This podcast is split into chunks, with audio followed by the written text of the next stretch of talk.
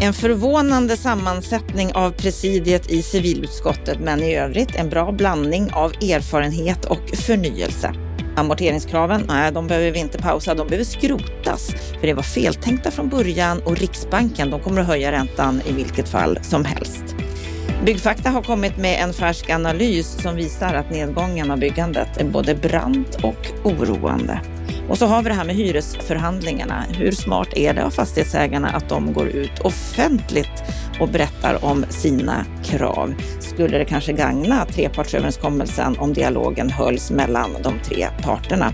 Ja, lyssna på vår expertkommentator Lennart Weiss här i Bopolpodden och våran veckans Aktuellt om en liten, liten stund. Varmt välkommen till Bopolpodden, till ännu en vecka där vi tar upp det senaste som har sagts och skrivits i media om bostads och fastighetsfrågor och politiken.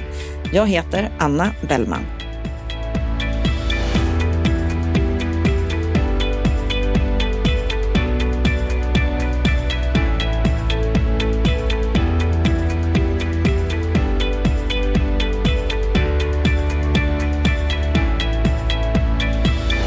Och vi börjar veckans Aktuellt den här veckan med politiken som vanligt de senaste veckorna för att utskottsledamöterna har utsetts i veckan.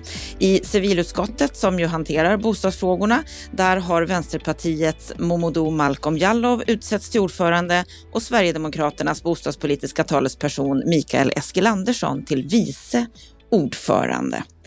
Om vi börjar med att titta på vad de här ordförandeposterna egentligen betyder i praktiken, Lennart Weiss. Vad, vad säger du om det? Vad, vad, betyder det att få en sån här post?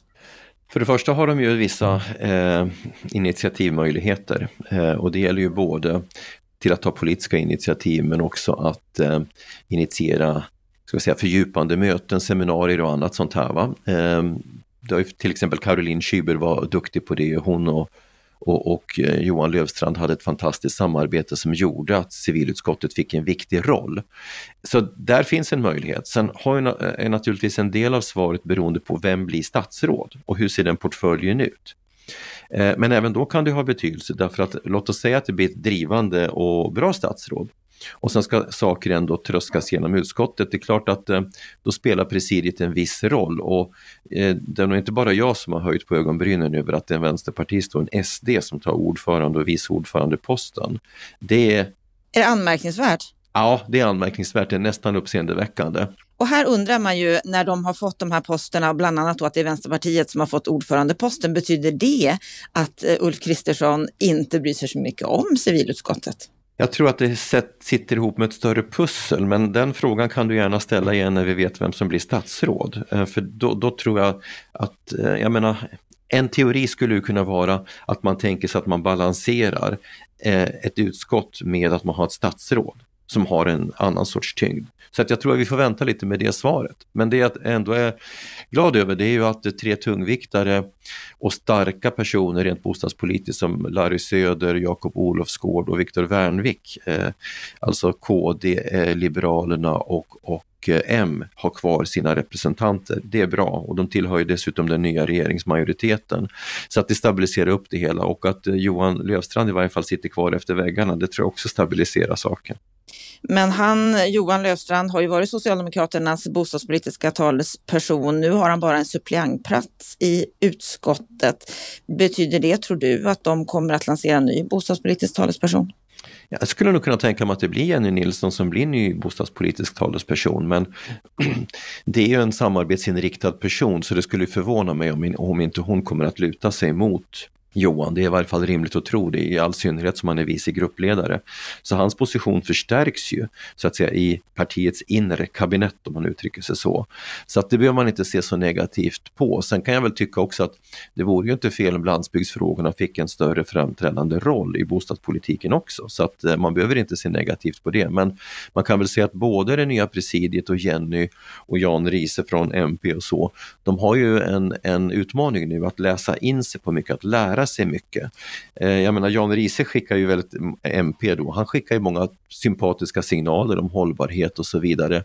Men man får inte glömma bort att det här är liksom ett eh, multifunktionellt område som där det handlar både om plan och regelfrågor, eller lag och regelfrågor, där, där, väldigt mycket finansieringsfrågor och förstå hur branschlogiken fungerar jag säger bara som en uppmaning till alla allihopa, ta er tid här i början och träffa företrädare för branschen och då menar jag de som jobbar i branschen och inte bara intresseorganisationsföreträdare och lär er hur den här branschen fungerar, hur värdekedjan ser ut och vad som är triggers och så vidare. Och det är viktigt att lära sig nu när vi är på väg mot en, eh, mot en byggkollaps som kan få väldigt vådliga konsekvenser och kräva politisk hantering. Centerpartiet har ju också presenterat en ny bostadspolitisk talesperson, Alireza Alkhouni.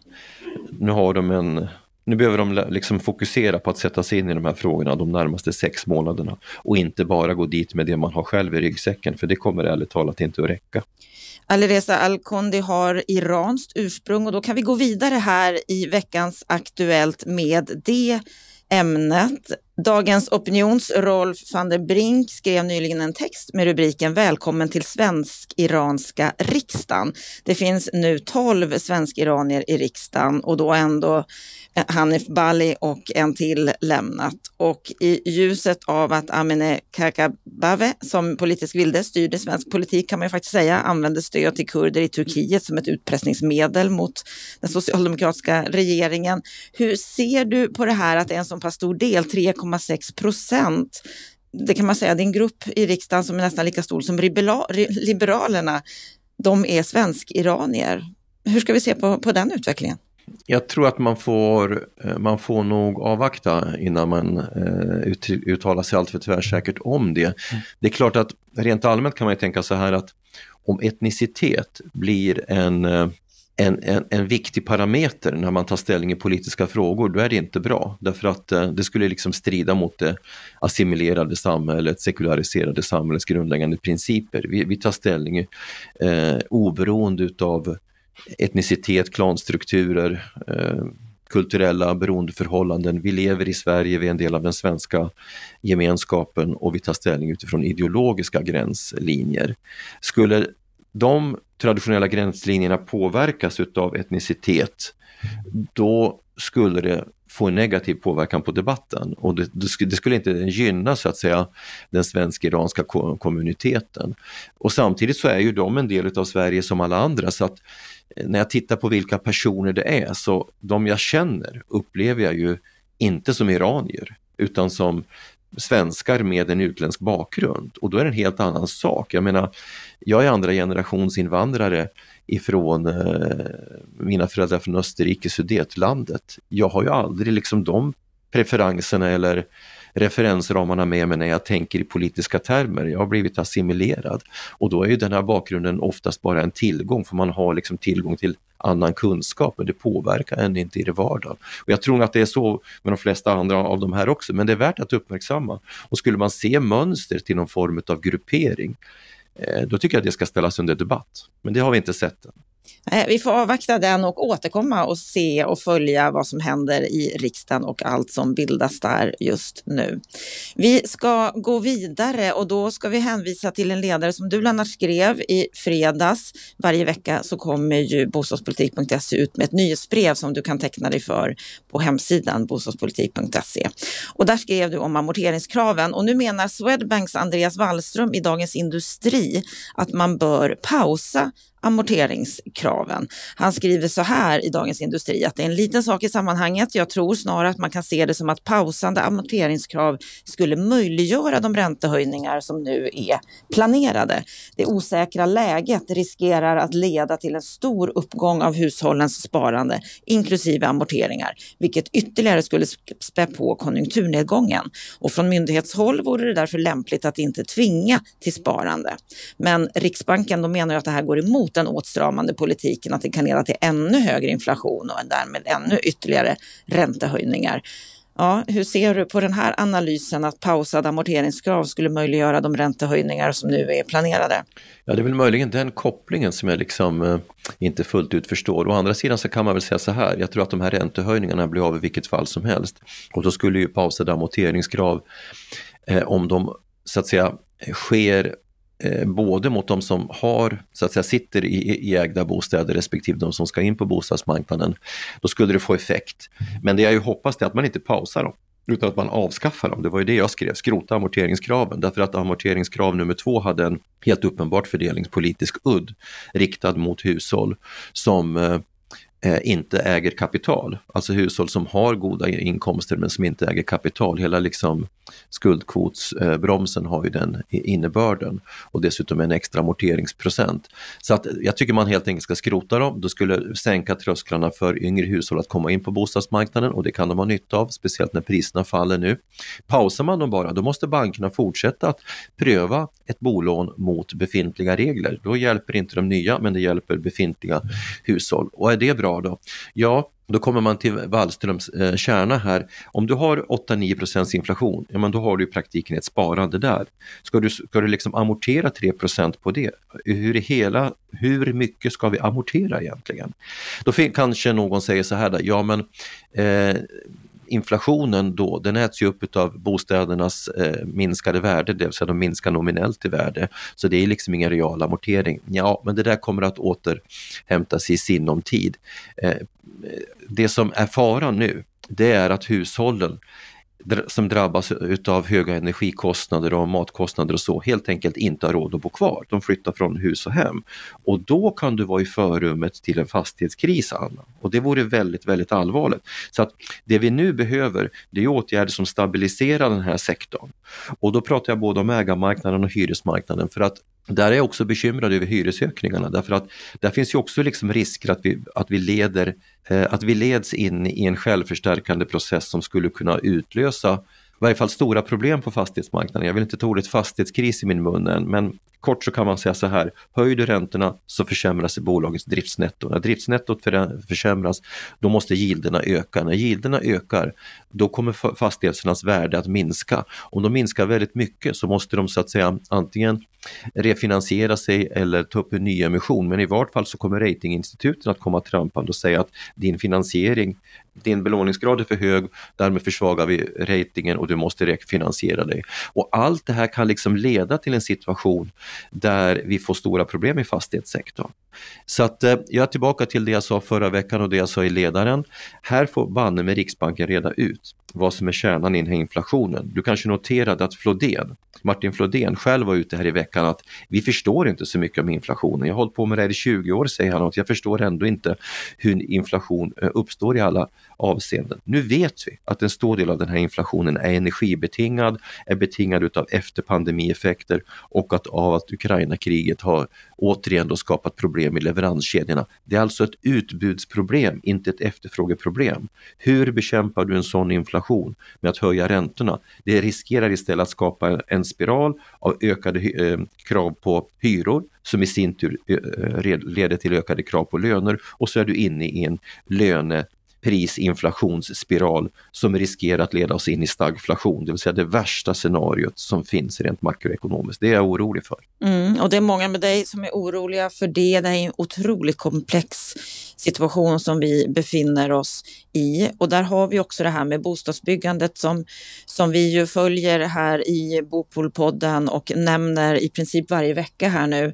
Och nu har i veckan Byggfakta kommit med en ny rapport om byggandet där bostadsbyggandet som vanligt är väldigt hårt drabbat. Hälften av alla bostadsprojekt projekt ställs in eller skjuts upp just nu. Och 59 procent i den här rapporten angav Rysslands krig i Ukraina och alla följder till det som den främsta anledningen. Och bland annat så har vi kunnat läsa här i veckan att Botrygg och Götenehus är exempel på bolag som skjuter upp och säger upp personal. Hur mycket mer av det här kommer vi få se framöver? Ja, hur mycket vet jag inte, men att vi kommer få se mer, det är helt klart. Jag välkomnar ju att Byggfakta så att säga har, har, slagit om ratten här, för du minns ju att jag i våras ifrågasatte deras prognoser som var väldigt optimistiska. Då gjorde de bakåtriktade analyser och jag sa redan då att det här kommer inte att hålla. Vi, har, vi är redan inne i ett trendskifte. Ehm, alltså aktivitetsgraden i den här branschen kommer att minska. Och nu säger då Tor Borg att det har skett ett väldigt kraftigt eh, skifte under augusti. Ja, det är precis vad jag ser också. Va? Vi är inne i en dynamisk fas nu där vi med bakåtriktade analyser inte kan förutsäga vad som kommer att ske framåt. Vi måste ha blicken bakåt för att registrera vad som redan har skett, men läsa av det som sker nu. Och nu sker det saker väldigt fort. Om, om man redan kan konstatera att mer än hälften av projekten är pausade, då har du ett bra mått på att statistiken för påbörjade bostäder, alltså statistik som startbesked, det ger inte en korrekt bild av läget. Utan nu måste du titta på, nu borde man egentligen be kommunerna att registrera vilka byggen som de facto har startat, oavsett om de har startbesked eller inte. Men du har en extremt kraftig inbromsning och det som konstateras i den här artikeln, det är framförallt i B och C-lägen. Hushåll, riktigt starka hushåll, de klarar sig alltid oavsett konjunktur, för de har buffertar. Men i B och C-lägen som adresserar den breda bostadsbristen, det är där du kommer att se problem och det oroar mig kraftigt. Och det oroar mig kraftigt då att Riksbanken ska höja räntorna eh, nästan bortom eh, någon sorts handbroms överhuvudtaget i ett läge när vi är på väg mot en recession. Som vanligt är de ute för sent och så riskerar de att ta i för mycket och så förstärka en olycklig utveckling. Eh, jag är mycket bekymrad över de policyöverväganden som görs just nu hos både Finansinspektionen och Riksbanken, men de gör ju nästan alltid fel tyvärr. Och för er på Veidekke som ett stort bolag i, i, i branschen, hur ser det ut hos er? Ja, vi noterar ju samma sak. På, på bostadssidan så registrerar vi en nedgång, så vi har naturligtvis justerat våra förväntningar inför nästa år. Vi ska gå vidare och prata om hyresförhandlingarna. Det var ett stort ämne som vi pratade om i förra veckans Aktuellt där Stefan Attefall konstaterade att han tyckte att 9,5 procent som fastighetsägarna Stockholm har yrkat på att det är ett rimligt krav men att det i slutändan kommer att landa på en lägre nivå. Och nu går fastighetsägarna Mitt Nord ut med det hittills högsta yrkandet 10,79 procent i Boden. Hur ser du Lennart på de här förhandlingarna? Vad tror du att de kommer att landa i? Ja, jag sa ju för två veckor sedan när jag kommenterade här att jag trodde att den här trepartsöverenskommelsen skulle braka ihop. Och då fick jag mothugg utav surrogatexpertkommentator Stefan Attefall förra veckan. Och vi har ju pratat om det här under veckan och dessutom tillsammans med Anders Nordstrand på Sveriges Allmännytta. Vi hade ett möte i ett helt annat ärende. Och då, eh, då skrockade de gott båda två och sa att det här skulle jag minsann få fel, trepartsöverenskommelsen skulle hålla och nu har parterna gått ut offentligt också och tagit varann i hand och sagt det. Om det blir så, om det är så, så, så välkomnar jag det. Jag hoppas att faktiskt att det håller ihop därför att då är man åtminstone överens om parametrarna. Och är man det, då kommer man kunna ta hänsyn till Eh, det i de olika lokala förhandlingar som ska ske. Kanske tycker jag att det är olyckligt att fastighetsägarna går ut med, med eh, debattartiklar och braskande rubriker och talar om hur mycket de vill höja hyrorna. Det skapar så att säga mottryck från andra sidan och minska möjligheterna till ett sakligt och förnuftigt samtal. Att fastighetsägare måste kompensera sig för kostnader, ökade kostnader, det är ju självklart. Men, men det här måste ju hanteras på ett faktamässigt sätt och, och det är ju rimligt att Hyresgästföreningen ger sig möjlighet att bena i de här olika underliggande kostnads slagen och, och, och, verkligen kan identifiera vad som är motiverat. Och när, det, när man har kommit dit, ja då, då är, utifrån den här överenskommelsen så ska då Hyresgästföreningen ta i hand på att släppa igenom hyresökningar. Jag tror inte de kommer att hamna på 9-10 procent, men de kommer att, att, att, bli väsentligt högre under, än under de senaste åren. Och det är olyckligt för då kommer vi att hamna i de här kompensationsdiskussionerna och slår det in i, vad, i lönerörelsen, då kan det bli riktigt problematiskt. Jag hoppas att det inte gör det dock. Och hur mycket kan de påverka inflationen? Ja, det, det, är klart att det kan påverka inflationen därför att eh, hyrorna är en del av konsumentprisindex. Så det påverkar inflationen och då kan du få ett inflationspåslag där. Så att där har du det igen. Va? Om du höjer räntorna vilket liksom försämrar driftsnettot, då måste fastighetsägarna kompensera sig och då leder det till ökad inflation som i sin tur måste eh, hanteras med stigande räntor. Så att det är ju liksom väldigt bra om man gör ordentliga konsekvensanalyser men tyvärr så råder ju en form av eh, jag skulle nästan säga maktarrogans hos våra två ledande myndigheter. De, de, varje gång de uttalar sig om branschen så gör de det i nedsättande, nedlåtande ordalag, vilket tyder på att de faktiskt mer tar ställning utifrån ska vi säga, känslomässiga bakgrunds... Eh, liksom, deras bakgrunds... Eh, tankar om den här branschen än en faktamässig och rationell analys och det, det är inte bra. Det är verkligen inte bra. Vi ska avsluta veckans Aktuellt den här veckan med att prata om blockuthyrningar som det har pratats en hel del om nu på sistone. I helgen så vräktes ett hundratal personer i Hässelby, Sollentuna och Svenska Nyttobostäder som äger fastigheterna, de har blockuthyrt till en aktör som i sin tur har hyrt ut i andra och tredje hand och det hela har lett till kraftigt ökad kriminell aktivitet i och kring de här fastigheterna. Och Svenska Nyttobostäder, de har sagt upp avtalen och det här drabbar ytterst hyresgästerna som ju nu har fått lämna. Och fenomenet med blockuthyrningar har kritiserats och det har även kommit domar i hovrätten som sägs hota blockuthyrningsverksamhet. Hur ser du på det här Lennart? Ja, eh, jag tycker för min egen del att blockuthyrningsverksamhet kan vara fullt motiverad. Låt oss säga så här då. Jag menar först, vad, vad, vad, är det för typ av bostäder? Jo, det är företagslägenheter. I grunden så är det det som är syftet. Och varför har vi företagslägenheter? Jo, därför att vi har ju den sortens bostadsmarknad i Sverige som innebär att vi har bruksvärdesvärderade, bruksvärdesreglerade hyror och inte marknadshyror, vilket gör att folk sitter och håller på sina kontrakt då, eh, i, attraktiva lägen. Det är, det är liksom en, en, en, en hyresmodell som jag i grunden försvarar. Men det har en nackdel och det är att eh, hyresmarknaden inte fungerar på det sätt som den gör i andra länder för arbetsmarknaden. Det finns helt enkelt inte snabbt gripbara bostäder för arbetskraft som flyttar in i en region med, med en glödande eh, arbetsmarknad. Och därför har det uppstått den här typen av eh, bostadsmarknad med så kallade företagsbostäder. Då är det företag som Nyttobostäder som jag uppfattar som ett seriöst företag som eh, har gett sig in där de bygger om fastigheter och så skapar de lägenheter för företag. Och då kan man ju tänka sig då att Ericsson till exempel, de blockförhyr 30 lägenheter för ingenjörer som man flyger in och ut eh, eh, eh från olika delar av världen för att jobba i Kista. Är det bra eller dåligt? Ja, det är förbannat bra. Det är nödvändigt om vi ska kunna liksom ha eh, stora eh, multinationella företag med huvudkontor i Sverige, att de faktiskt kan bemanna de jobb som ska tillsättas ofta på kort, eh, med kort varsel och för korta perioder. Så att själva fenomenet, det är ett viktigt fenomen för att arbetsmarknaden ska fungera. Men sen måste naturligtvis eh, de som, som sysslar med blockuthyrning ha kontroll på sina hyresgäster för att det här med att prostituerade nätverk och så har nästlats in här, det känner vi till. Det var särskilt vanligt under pandemin då, då, då det i stort sett var tomt i de här eh, företagshotellen. Så att de måste naturligtvis skaffa sig kontroll på vilka man hyr ut till och så måste man ju begränsa möjligheten att hyra ut till andra juridiska personer. De ska hyra ut till sådana som finns i deras definierade krets. Så det, det här handlar om att strama upp rutiner. Men att avskaffa möjligheten till företagslägenheter, det vore verkligen inte bra. Så en viktig verksamhet, men som precis som alla verksamheter så behöver den skötas på rätt sätt. Stort tack för den här veckan, Lennart.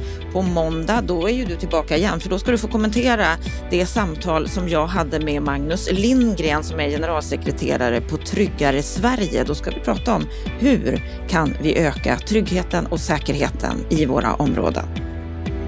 Men om man däremot kraftsamlar och går tillsammans eh, så menar ju vi att det finns förutsättningar att göra det här på fem år, att ta tillbaka utsatta områden och där är ju en viktig del, det är ju att vi etablerar oss. Att vi faktiskt eh, eh, återinsätter polisen i den lokala, eh, i områdena och, och de ska inte lämna och att vi försöker också komma tillbaks med andra eh, myndigheter så att säga blir mer lokalt närvarande och synliga i de här områdena.